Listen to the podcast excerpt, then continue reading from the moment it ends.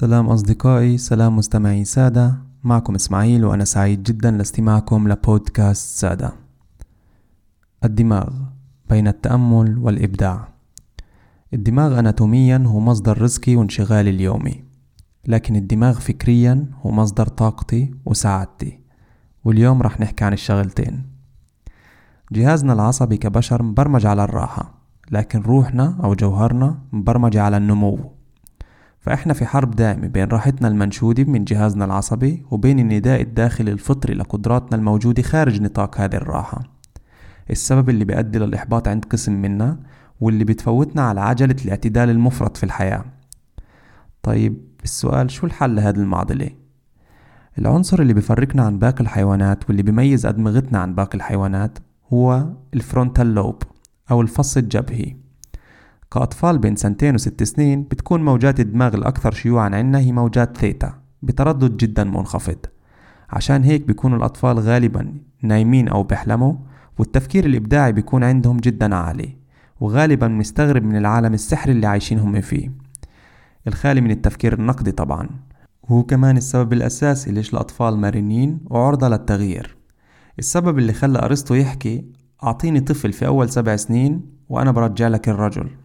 مع إنه بزمن أرسطو ما كان في اي اي جي بس كان واعي لمرونة الأطفال وقدرة تغييرهم. نفس هذه الموجات بتتواجد عندنا كبالغين في فترات التأمل العميق. عشان هيك ممارسة التأمل كثير مهمة للتغيير لأنها المفتاح لعقلنا اللاواعي اللي بدوره المحرك الأساسي لمنظوراتنا الفكرية وتفكيرنا وطباعنا. فمن خلال التأمل ممكن إنك تغير كثير أمور بفكرك وتفكيرك وإنجازاتك لأنه زي ما حكينا ببودكاست الفكرة كل تصرفاتك ومشاعرك هي نتاج أفكارك. وعشان أوضح أهمية التأمل أكثر لابد من اقتباس رائع من كارل يونغ. سوف تتضح رؤيتك فقط عندما تنظر إلى داخلك. من ينظر إلى الخارج يحلم ومن ينظر إلى داخله يستيقظ. كوننا مخلوقات اللي حياتنا مكونة من مجموعة عادات فتطوريا دماغنا كون القدرة على خلق اختصارات أو shortcuts لمهماتنا اليومية. هاي الاختصارات مفيدة جدا بمواضيع كثير بحياتنا اليومية. يعني تخيل إنه لازم دماغك يفكر كل يوم بطريقة نقدية كيف تمشي. تقضي كل يوم نص ساعة على تختك قبل ما تقوم يحلل فيها دماغك عملية المشي الأمثل. مش منطق الإشي. لكن مرات بتفوت علينا هذه الاختصارات اللي بنستخدمها كثير مغامرات وفرص ذهبية بحياتنا لأنه زي ما أحكينا دماغنا مبرمج على الراحة فراح يسخر كل هذه الاختصارات لراحتنا. فمجرد إنت تكون بقرار معين أكثر من مرة اللي بصير إنه بدل ما الفرونتال لوب تصير تحلل الخيارات من خلال التفكير النقدي وبتركيز وذكاء عالي بتفضل إنك تعمل الشيء المعتاد وتكرره لحد ما يصير نموذج أو تصرف لا واعي واللي غالبا هو الخيار الافتراضي لدماغك أو اللي كمان إحنا بنسميها عادي. في تطورات مهمة بتصير بأدمغتنا خلال فترة المراهقة. وقسم منها ما بيكتمل حتى فترة البلوغ المبكرة.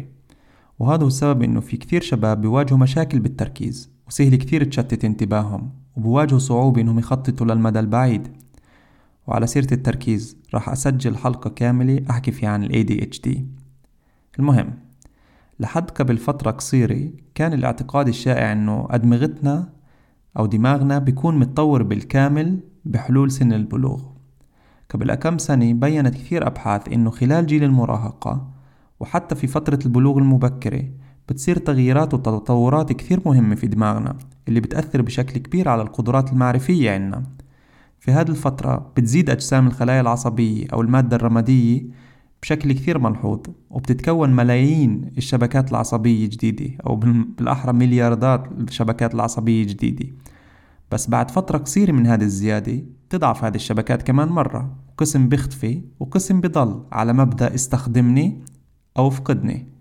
أي إنه التشابكات اللي بتستخدمها بشكل متكرر بتضل وبتكوى. وكل إشي ما بتستخدمه يتم إقصاؤه تماما زي مبدأ العضلات اللي بتدربها سنين ليكبروا ومجرد توقف عن استخدامها فترة قصيرة بتصغر. نظرا لأنه أدمغتنا مرنة في للتحفيز المعرفي دور مهم كثير بحياتنا. عشان هيك لازم نختار بيئتنا المحيطة وأصدقائنا بعناية شديدة. نصيحتي إلك إنك تكون كثير انتقائي بصداقاتك لأنها مسؤولية كبيرة عليك.